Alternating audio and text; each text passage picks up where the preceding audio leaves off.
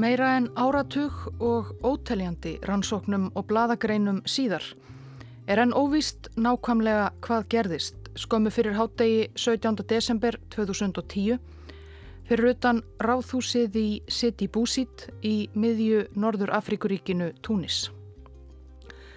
Ímis atriði, stór og smá, eru umdelt eða á höldu. Við vitum að hvað sem það var nákvæmlega sem gerðist átti það eftir að hafa viðtækar afleðingar. Viðtækari en nokkurn í City Búsít óraði þá fyrir hvað þá annar staðar. Áhrifa hverra gætir enn víða um heim.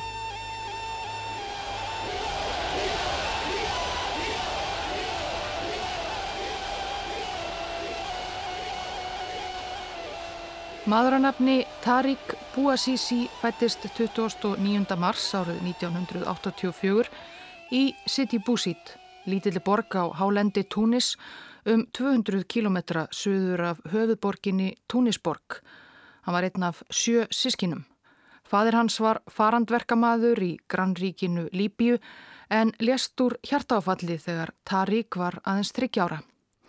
Eftir það var sonurinn gerðan kallaður nafni föður síns sáluga Muhammed Bouazizi.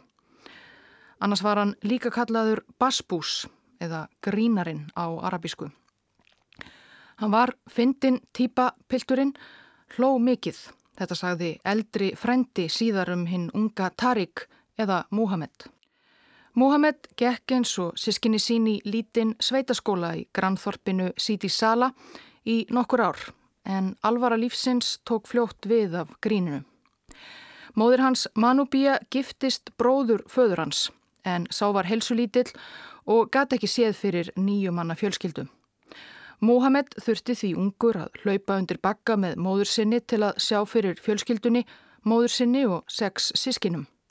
Tíu ára gamall var hann farin að vinna ímis viðvig hér og þar og á unglingsaldri hætti hann alfarið í skóla til að einbeita sér að vinnunni. Þegar Muhammed Bouazizi varð heimsfrægur síðar meir komu einhverjir ættingjar hans fram og heldu því fram að hann hafi verið háskólamentaður. Það var að öllum líkindum ekki rétt. Engar heimildir hafa fundist um nokkurt háskólanám. Eflaust hafa ættingjar Bouazizis viljað fegra eitthvað fortíðans í vonum að veita honum aukna vikt í augum heimsins.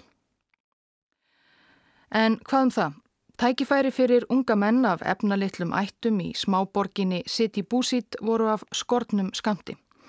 Borgarbúum fannst þeir almennt afskiptir af löndum sínum, sérlega þeim sem fóru með völdin í höfuborginni Túnis. City Búsit var ekki einu sinni með á korti veðurfréttamannsins í ríkisjónvarpinu, hvörtuðu borgarbúar gerðnan.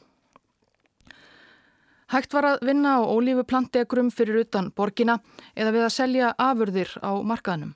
Selja ódýrt bensín sem smiklað var inn frá ólíuríkinu Líbíu. Það var líka tómatpúruversmiðja í bænum en þar fekk maður ekki vinnu nema með réttu samböndin. Það þurfti gerðnan. Atvinnuleysið í City Búsit var mikill, að minnstakosti 30% árið 2010 og jáfnvel háskólapróf dugði oft ekki fyrir einhverju stöðu. Marga dreymdi hreinlega um að komast burt sem lengst.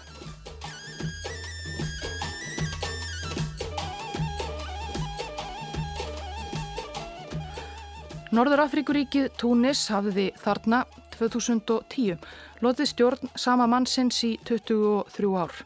Sínel Abedín Ben Ali þá forsætisráð þeirra Túnis hafi tekið völdin af aðistamanni ríkisins forsetanum Habib Bourguiba í blóðlausu valdaráni í november 1987. Bourguiba var fyrsti fórstætti Túnis eftir að landið hristi af sér franska nýlendustjórn og varð sjálfstætt en var þarna 1987 orðin gamall, 84 ára og mjög hrumur sem Ben Ali notaði sem ástæðu til að taka völdin í eigin hendur. Túnis hafði frá sjálfstæði í raun verið einræðisriki.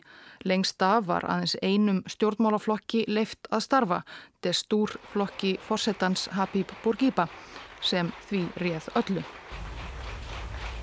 أقسم بالله العظيم أن أحافظ على استقلال الوطن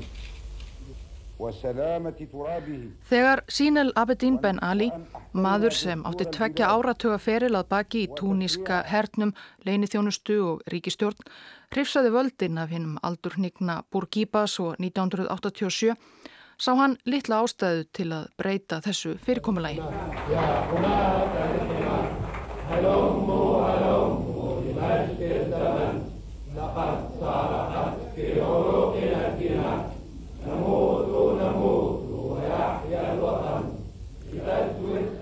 Ben Ali talaði eitthvað að vísu um að leysa þá fjötra sem Burkiba hafði hneft túnist samfélagi en emdirnar urðu litlar. Destúr flokkurinn fekk andlitsliftingu en helt áfram að stjórna svo gott sem alveg óáreitur. Árið 2002 kom Ben Ali gegn breytingum á stjórnarskrá Túnis sem gerðu honum kleifta að bjóða sig aftur og aftur fram til forsetta til æfi loka og í hverjum kostningum fekk hann einhver staðar á bylinu 89 til 95% atkvæða, enda gerðnan einni frambóði. Stjórnaranstæðingum og hverskins frjálsum félagsamtökum öðrum var gert mjög erfitt fyrir að starfa. Miklar hömlur voru á fjölmiðla og málfrelsi. Myndir af hennum brúnaþunga Ben Ali mátti sjá hvarvetna að einræðis herra sið. Úr skýrslu alþjóðlegu mannreitinda samtakana Human Rights Watch um Túnis fyrir árið 2010. Stjórnvöldi Túnis nota hættu á hriðjuverkum og trúaröfgum sem fyrirslátt til þess að bæla neður friðsamlegt andóf. Stjórnaranstæðingar og baráttu fólk fyrir mannréttindum er undir stöðugu eftirliti. Þau sæta geðþóttalegum ferðabönnum, eru rekin úr vinnu, símalínur þeirra trublaðar, ráðistir á þau, ættingar þeirra ofsóttir, þau mega þóla grunnsamleg skemdarverk og innbrott og róburð í fjölmiðlum. Engin prent eða ljósvakamiðil hefur gaggrína umfjöllunum stefnu stjórnvalda. Stjórnveld banna aðgangað ákveðinum innlendum og erlendum vefsíðum þar sem finna má gaggrína umfjöllun um túnis. Þó stjórnarskrá túnis hveði á um sjálfstætt dómskerfi hefur Frankvandavaldið viðtak áhrif á ákvarðanir dómsvalsins. Í málum af pólitísku meiði geta domstólar ekki tryggt sakborningum sangjarna málsmeðferð. Saksóknarar og dómarar láta yfirleitt ásakanir um pyntingar sem vindum eiru þjóta.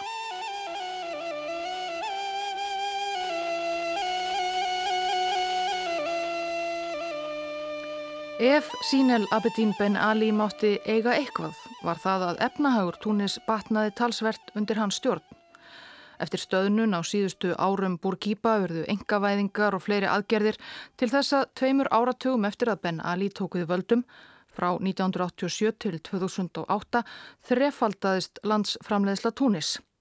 Vöxturinn vakti aðtegli erlendra spekulanta á Túnis sem ofta rataði hátt á lista yfir samkeppnishæfustu hagkerfi Afríku og Arabalanda. Landið þótti líka stöðugt og rólegt miða við þennan heimsluta, vestrænt að vissuleiti og evróskýr sóldýrkendur streymdu á sólríkar miðjararhafstrendur þess. En þegar betur var að gáð voru það alls ekki allir landsmenn sem nutu góðs af þessum uppgangi, raunar líklega fæstir. Auðurinn sapnaðist á hendur lítillar elitu sem varð til í kringum fórsetan Ben Ali og fjölskyldu hans. Mískipting jógst gífurlega Atvinnuleysi var mikið, sérstaklega meðal ungs fólks, allt upp í 30% og skipti þá litlu máli hvort maður hafði háskóla gráðu eður ei. Allir keftust um sömu störfin og sömu lágu launin. Stjórnvöld hirtu lítið um að sinna afskektum sveitum eða smáborgum eins og City Búsít. Þar voru tækifærin lítil sem enginn og í skjóli allræðistjórnar Ben Alis og kona hans blómstræði spilling sem breytti úr sér um allt samfélagið.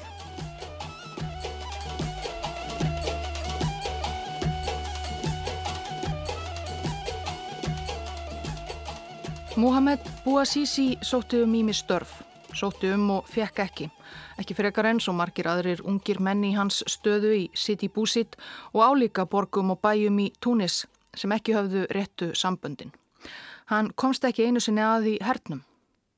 Fadir hans sálu ég hafi átt lítinn landskika, þrjá hektara, þar sem fjölskyldan gatt ræktað eitthvað grænmeti en alls ekki nóg til að sjá fyrir þeim öllum. Að föðurnum látnum hafði bróðir hans og nýr eiginmaður ekkunar tekið lán í banka til að koma upp alminnilegu vassveitukerfi á landsbyldunni í vonum að auka uppskeruna. Múhamed hjálpaði til á agrinum. En þetta gekk allt saman ítla. Fjölskyldan gatað lokum ekki borgað af láninu og bankin tók landið. Það var þá sem Múhamed Bouazizi gerðist götusali.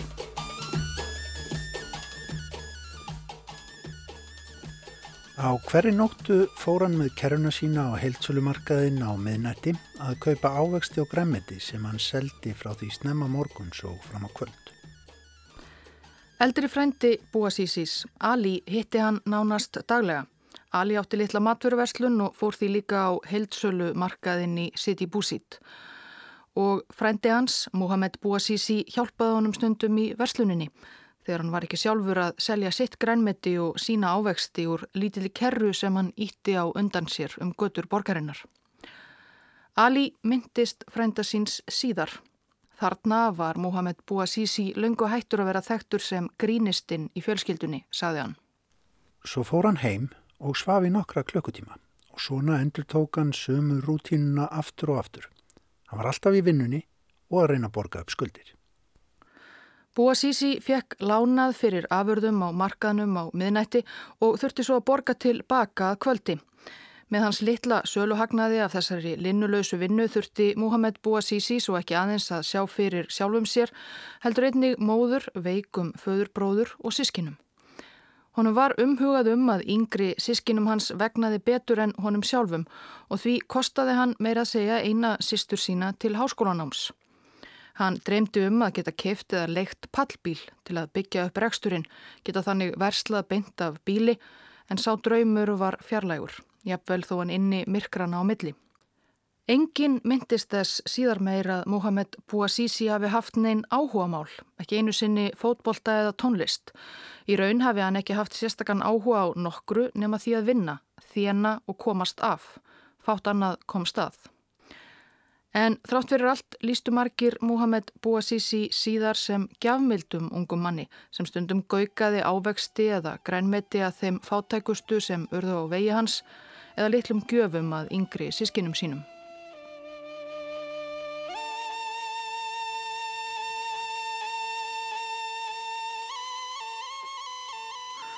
Sautjóndi desember 2010 Það hafði verið hart í ári undanfarið. Matarverð fór hækkandi og Muhammed Bouazizi, þarna 26 ára, fekk sífælt minna fyrir söluhagnað hvers dags, minni mat fyrir fjölskyldu sína.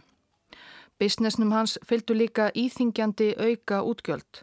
Sérstatt leifi frá hinnu opimbera þurfti til að stunda götu sölu á þennan hátt í Túnis. Leifið var ekki auðsótt, allavega ekki ef maður hafði ekki réttu samböndin, þið vitið. Mohamed Bouazizi hafi sótt margóft um leifið en alltaf verið hafnað. Þá var aðeins eitt í stöðunni að múta lögreglu og eftirlitsmönnum sem gerðu aðtóa semt við rekstur hans ætlaðar borga sektir sem lögreglumennir skrifuðu eftir eigin gethokka. Fjölmarka göttusala mátti jafnan sjá á göttum City Búsit, margir þeirra voru utan lagana á þennan hátt og lögreglan hafði af þessu sæmilegar auka tekjur. Mohamed Bouazizi var vitanlega ítla við þetta. Hann kvartaði oft við þá sem heyra vildu yfir spiltu, lauruglu og ennbætismönnunum sem neittu hann til að borga mútur og sektir. Hann var ekki pólitískur, sögðu þeir sem hann þekktu, en hann kunni ítla við að láta svindla á sér og hann reyttist auðveldlega. En já, 17. desember 2010. Við vitum ekki öruglega hver atbyrðar á sinn nákvæmlega var þennan dag. En dagurinn hófst sem hver annar í tilbreytingarlittlu lífi Muhammeds Bouazizi. Hann var bálsnemma á ferð og kifti grænmeti og ávexti á kredit á matarmarkanum. Raðaði gósinu í keruna sína sem hann stilti svo upp á götuhorni ekki langt frá ráðhúsinu í City Búsit. Hann stóð þar oft og bauð vörur sínar. Klukkan var svona hálf 11 fyrir háttegið þegar fæta Hamdi gekk fram á hann og keruna sem var fulla af banunum, eplum og perum. Fæta Hamdi, þarna 45 ára, vann sem eftirlitsmaður hjá borginni.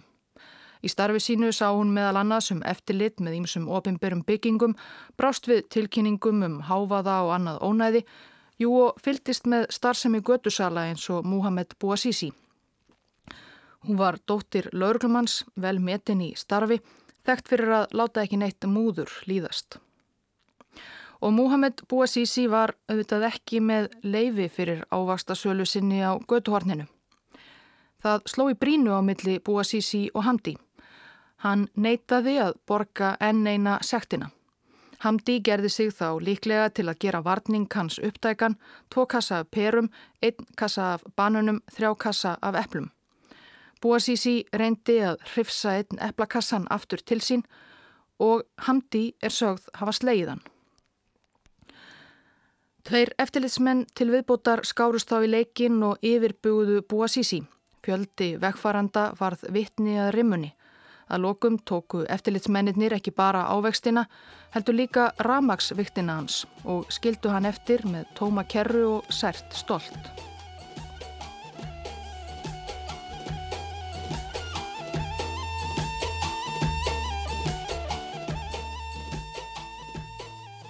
Bálreiður reys Búasísi upp úr göturíkinu og fór í ráðhúsið þar sem hann krafðist þess að fá að ræða við einhvern og fá viktina sína aftur.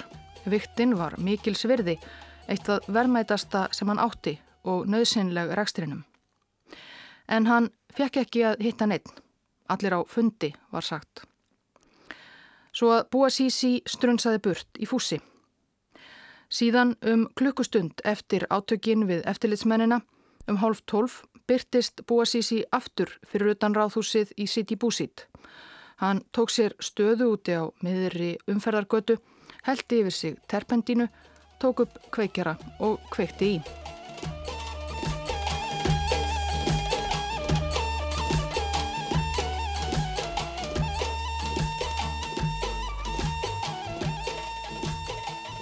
Sextánda janúar 1969 kveikti tvítur sakfræðinemi Jan Palach í sér á einu aðaltorki Prag í Tjekkoslovakíu.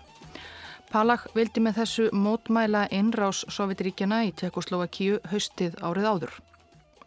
Fyrir gjörningin hafði Palach, sem lést af brunasárum sínum á sjúkrahúsi þremur dögum síðar, sendt mótmæla bref á marga tjekkoslovakíska stjórnmálamenn og aðrar ofinberar personur og hvati þjóðir landsins til að rýsa upp gegn sovjesku ofriki. Í kjálfarið kveiktu fleiri tekneskir stúdendar í sér á götum Prag sem og stjórnaranstæðingar í Ungverjalandi og öðrum löndum kommunismans í Evrópum. Áður hafðu menn kveikt í sér við mótmæli í Asju, vietnamski munkurinn Tet Wang Duk þeirra frægastur. Prague, the people of Czechoslovakia mourn deeply. Jan Palach had taken his life in a most terrible way in protest against the Soviet occupation of his country. Sjálfsfornir þessa unga fólks hafðu kannski ekki bein áhrif á endalok allræði stjórna en vöktu aðtikli innan heimalanda þeirra sem utan. Mörg hundru þúsund tekoslovakar sirðu Palach hinn unga. With hundreds of thousands of people lining the route, his mother's tears of grief were shared openly by all who knew so well what Jan Palach's sacrifice had been for. Fjölmarkir vegfærendur í miðborg City Búsit urðu vitnið að því þegar Mohamed Bouazizi 26 ára föðraði upp á götunni fyrir utan ráðhús borgarinnar um hálf 12. 17. desember 2010. Vitanlega varð uppi fótur og fytt. Á fyrstu farsímamyndum frá vettvangi má sjá þyrpingu fólks fyrir utan ekki langt frá ástendur kerranans Bouazizis yfirgefin ávextir á víð og dreif í kring búið að trampa á þeim. Búasísi sjálfur var ferður upp í sjúkrabíl. Viðstattir höfðu held yfir hann vatni til að slökkva eldin og hann var enn á lífi en mjög illa brendur. Var í Mohamed Bouasísi kominn hinn túníski Jan Palach að forna sér fyrir málstæðin baráttuna gegn spillingunni og kúuninni sem allt og lengi hafi fengið að þrýfast í Túnis. Það er umdelt spurning. Ímsir sem þekktu Bouazizi eða voru á vettvangi hafa síðar sagt að það sem þingst kvíldi á honum þennan örlagaríka morgun hafi verið skömmin. Skömmin að hann hafi verið slegin utanundir á almannafæri fyrir framann fjöldamanns og það af konu fætu hamdi, nokkuð sem í túnískri karlarembu menningu hefði þótt sérlega skamarlegt. Hann var alltjent bálreiður.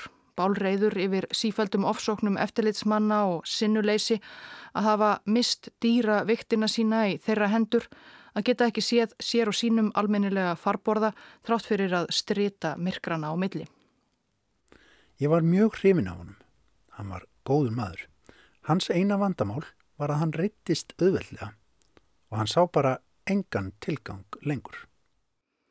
Ali Bouazizi, eldri frændi Muhammeds verslunar eigandin, var meðal þeirra fyrstu sem komu á vettvang við ráðhúsið. Frændi okkar, Lassad, sem að vinnur á markanum, saði mér síðar frá samtali sem hann hafði átt við Mohamed, viku áður en hann kveikt í sér. Ég er komið með nóg og ég er þreyttur, saðan. Ég get ekki andað lengur. Frettir af því að einhver hefði kveikt í sér þarna fyrir utan ráðhúsið bárust fljóttum borgina. En þegar Ali kom að vissi hann enn ekki að það væri hans eigin litli frændi sem hefði átt í hlut. Það vildi enginn hlusta á hann. Ef ég hefði verið með honum þannan dag, þá hefði ég algjörlega skorist í leikin. Ég hefði fundið einhverja leið til að ná tali af borgarstjóranum með valdi ef þörfari á því. En ég var ekki á staðnum. Sumir nákomnir Búasísi telja einnig að hann hafi varla ætlað að brenna sig til dauða þennan morgunin. Hann hafi einfallega látið reyðina hlaupa með síg gönur, hafi viljað gera eitthvað áberandi og afdráttarlaust til að vekja á sér aðtegli og fá þannig fund með yfirvöldum. Í hita leiksins hafi hann held yfir sig terpentínunni án þess að átta sig alveg á því hversu mjög eldfimur vögvi terpentína er og andartakið sem hann kveikti í með kveikjaranum var ekki aftur tekið.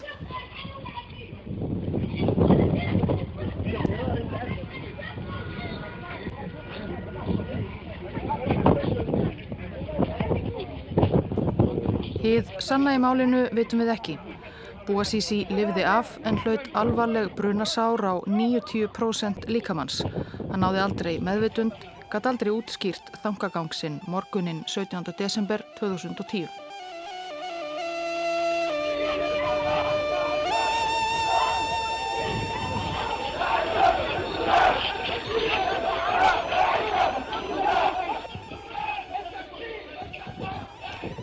En þess þurfti ekki. Fólk held áfram að streyma að eftir að búið var að flytja unga ávakstasalan burt í sjúkrabíl. Ekki bara af forvitni hvað hafði þarna átt sér stað, heldur í samstöðu og reyði yfir meðferðinni sem Búa Sísi hafði hlotið. Margir borgarbúar gátti jú auðveldlega samsamað sig unga manninum sem nú lág á sjúkrahúsi þeir auðu árum saman stunda sama harkið og sama karpið við spilt yfirvöld. Lögregla tvistraði hópnum en daginn eftir sapnaðist fólk aftur saman á götu í City Búsit í samstöðu með Búa Sísi Þá var búið að flytja hann á annað sjúkrahús í Stærri borg, Svags. Áverkarnir voru svo alvarlegir að litla sjúkrahúsið í City Búsít réð ekki við þá.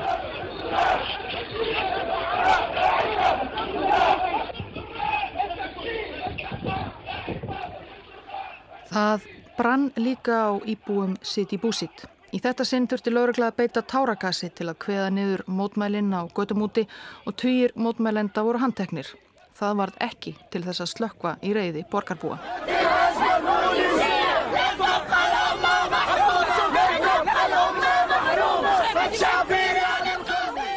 Lítið var fjallað um þessa atbyrði í túnískum fjölmiðlum en það stjórnaði ríkið þeim lang flestum.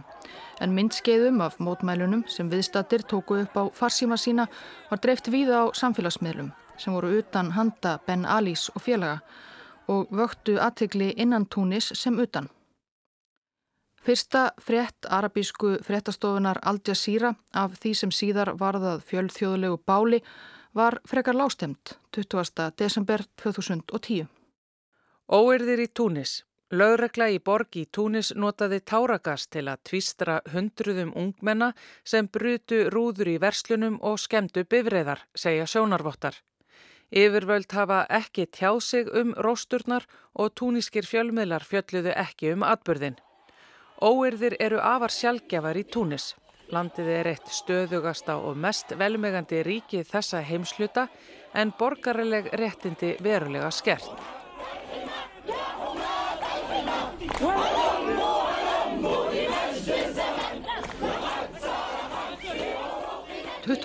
desember fetaði annar ungur maður í fótspor Mohameds Bouazizi, saðist döðþreytur á atvinnuleysinu, klifraði upp í ramagsdöyr og veitti þannig sjálfum sér raflost sem dró hann umsvegalöst til döða.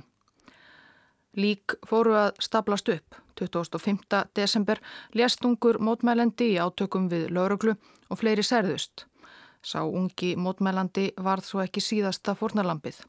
Mótmælin voru þá byrjuð að breyðast út fyrir smáborgina City Búsít til annara borga og bæja þar sem sömu vandamálin var að finna atvinnuleysi, hækkandi, matveruverð, spillingu og kúan. An outbreak of protests in Tunisia Saturday night after raids by government forces. It's now spread to the capital. Mótmælin voru farin að breyðast til höfuborgarinnar Túnis. Þá urðu stjórnvöldað að það varst eitthvað til að reyna að sljáka niður í óvonæju hrópunum. 28. desember fór fórsetin sjálfur Ben Ali og heimsótti Mohamed Bouazizi. Hann var þá komin á sjúkrahús í höfuborginni. Lítið hefur farið þeim á milli þar sem Bouazizi var jú meðvitundarlaus. Á fréttaljósmynd sést fósettin umkringdur jakkafattamönnum og læknum standa yfir sjúkrarúmi sem íleikur búa sísi eins og múmia líka með hans alþakin sárabindum.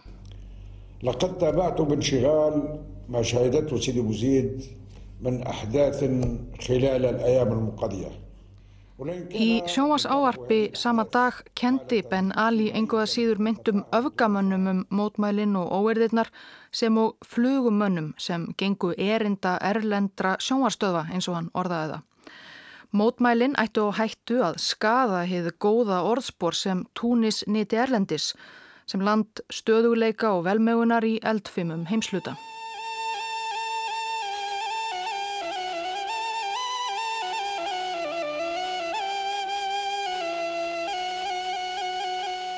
Einmitt mánuði áður hafði Túnis reyndar beðutalsverðan álits nekki gagvart alþjóða samfélaginu og það vissu margir af yngri kynnslóðinni í landinu þrátt fyrir að túnísk stjórnvöld hefðu gert sitt ítrasta til að þakka það niður.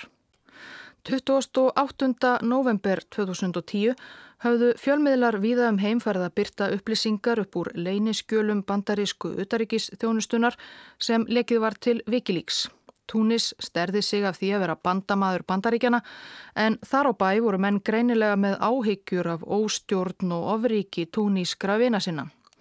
Bandarískir diplomatar skrifuðu fjálglega um ævintýralega spillingu fósettans, fjölskyldu hans og vina.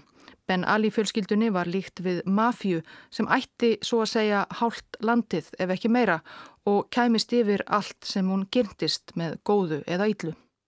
Spillingin í Túnis er að versna hvort sem það er reyðufið, þjónusta, landaregnir, já eða jafnvel snekjaðín, þá vill fjölskylda Ben Alis forsetta komast yfir það og hún færvist það sem hún vill. Fjölskylda Ben Alis er oft kölluð miðpuntur spillingar í túnis, oft líkt við mafíu og það er nóg að segja undir rós fjölskyldan til að benda á hvaða fjölskyldu maður er að tala um. Eiginkona Ben Alis, Leila Ben Ali og fjölskylda hennar vekur mesta reyði meðal túnisa.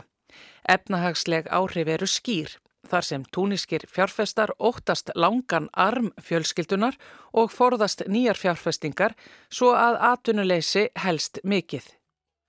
Þegar diplomataskjölinn voru byrt lokaði Túnis á vefsíðu Wikileaks en skrifinum Túnis fóru þó í dreifingu innan landsins og juku enn á reyði meðal almennings.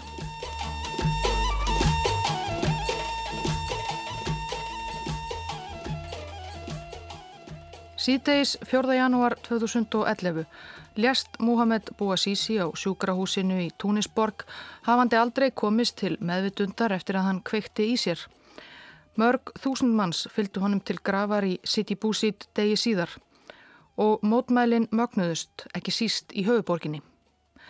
Í sjónvars áarpum sínum lofaði Ben Ali fórseti jafnan öllu fögru, uppstokkun í ríkistjórninni, nýjum ungmennamálar á þeirra, 300.000 nýjum störfum einhvern veginn og svo framvegis.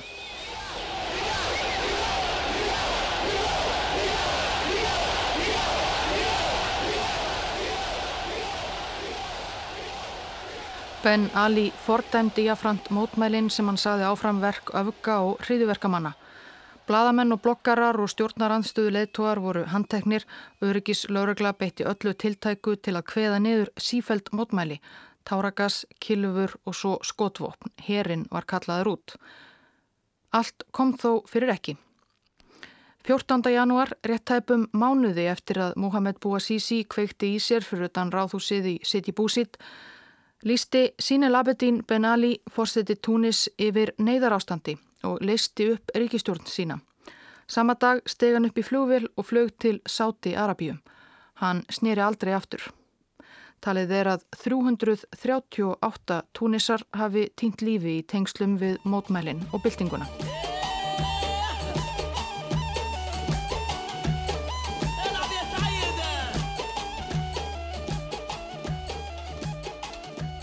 Ben Ali var fyrsta fórnalampið tæpum mánuði eftir að hann flúði land 11. februar saði Hosni Mubarak, fórseti í Egiptalands til 30 ára, af sér ennbætti eftir gífurlega fjölmenn og einbeitt mótmæli á frelsistorki Kæroborgar. Örfám dögum síðar varð fyrstu mótmælana vart í landinu sem skilur að Túnis og Egiptaland Líbíu gegn hinnum ofstækisfulla einræðisherra Muammar Gaddafi. Tæpum mánuðir síðar voru fyrstu mótmælin í Damaskus, höfuborg Sýrlands og fleiri borgum þar. Arabíska vorið var hafið. Egiptar, eftir allt sem á undan var gengið, fengu á endanum yfir sig álíka harðstjóra og múbarak. Líbia og Sýrland stiftust bæði niður í hildýpi borgarastyrjalda og áhrifanna gætti víðar í Arabaheiminum og heim allan og var það sjálfnast til góðs. Af öllum löndum sem arabísku vorvindarnir myndu gustuðum var það frumkvöðlinn Túnis sem slapp best í raun, einlega lang best. Tíu árum eftir að Mohamed Bouazizi kveikti í sér var Túnis orðið líðræðisríki. Það tók tíman sinn að koma á ró í þjóðfélaginu vissulega eftir fall Ben Alis og næstu ár engendust af miklu umróti á stjórnmálasviðinu, frekar í mótmælum og efnahags örðuleikum Túnis var ekki lengur þekkt sem stöðuga land heimslutans og sóldýrkendur heldu sig lengi fjari. Það voru ljón, pólitísk morð og hriðverka árásir á veginum. Um tíma virtist Túnis líka jafnvel rampa og barmi borgarstyrjaldar vegna harðvítugur að deilna millir íslamista og veraltíkjuflokka. Svo kallaður kvartett samtaka verkalýðs, atvinnureikenda, mannréttinda og lögmanna greip þá inn í, kom á viðræðum og stilti til fríðar. Forsvarsmenn kvartettsins fengu fyrir fríðarvelun Nobels árið 2015. Á síðustu árum hafa túnissar kosið í frjálsum kostningum og í þingöllinni í Túnisborg eru nú líflegan að mestu friðsamleg skoðanaskipti ólíkra fylkinga um allt milli himins og jarðar nokkuð sem fyrir réttum áratug hefði þótt óhugsandi. Ekki er hægt að segja annað en að borgin Siti Búsit, þar sem allt þetta hófst, hafi minningu Muhammeds Bouazizi í hávegum. Ráðhúsið príðir nú stór andlitsmynd af unga manninum sem kvekti í sér þar fyrir utan. Gata heitir eftir honum í borginni og þar er skúldur af ávastakerunni hans. Blaðamaður Breskablaðsins Guardian heimsótti sitt í búsitt í desember 2020 þegar tíu ár voru liðin frá því að búa sísi kveikti í sér. Vekkfærendur virtust á einu máli. Þeir gáfu lítið fyrir þennan frægasta svon bæjarins. Ég bölva myndinni af honum, saði konan okkur fyrir utan ráðhúsið við blaðamann. Hann eiðilaði okkur. Raunin er nefnilega að það er enn jafn langt frá höfuborginni allarleið til City Búsít. Efnahags örðuleikar vegna langvins óstöðuleika hafa gert það verkum að þinn almenni túnissi hefur það í raun verra nú enn 2010. Atvinnuleysi meðal ungs fólks er enn meira. Meiri hluti túnissa segir að miskipting í landinu sé orðin enn meiri enn fyrir áratug og minni hluti að barna þeirra býði betri framtíð. Í því samhengi skiptir það almenna borgara ekki svo miklu máli kannski að kjaftaskar geti karpað frítt á þinginu. Ekkert hefur breyst, sögðu vegfarendur í City Búsitt einum rómi við bladamann Guardian, nema þá til hins verra.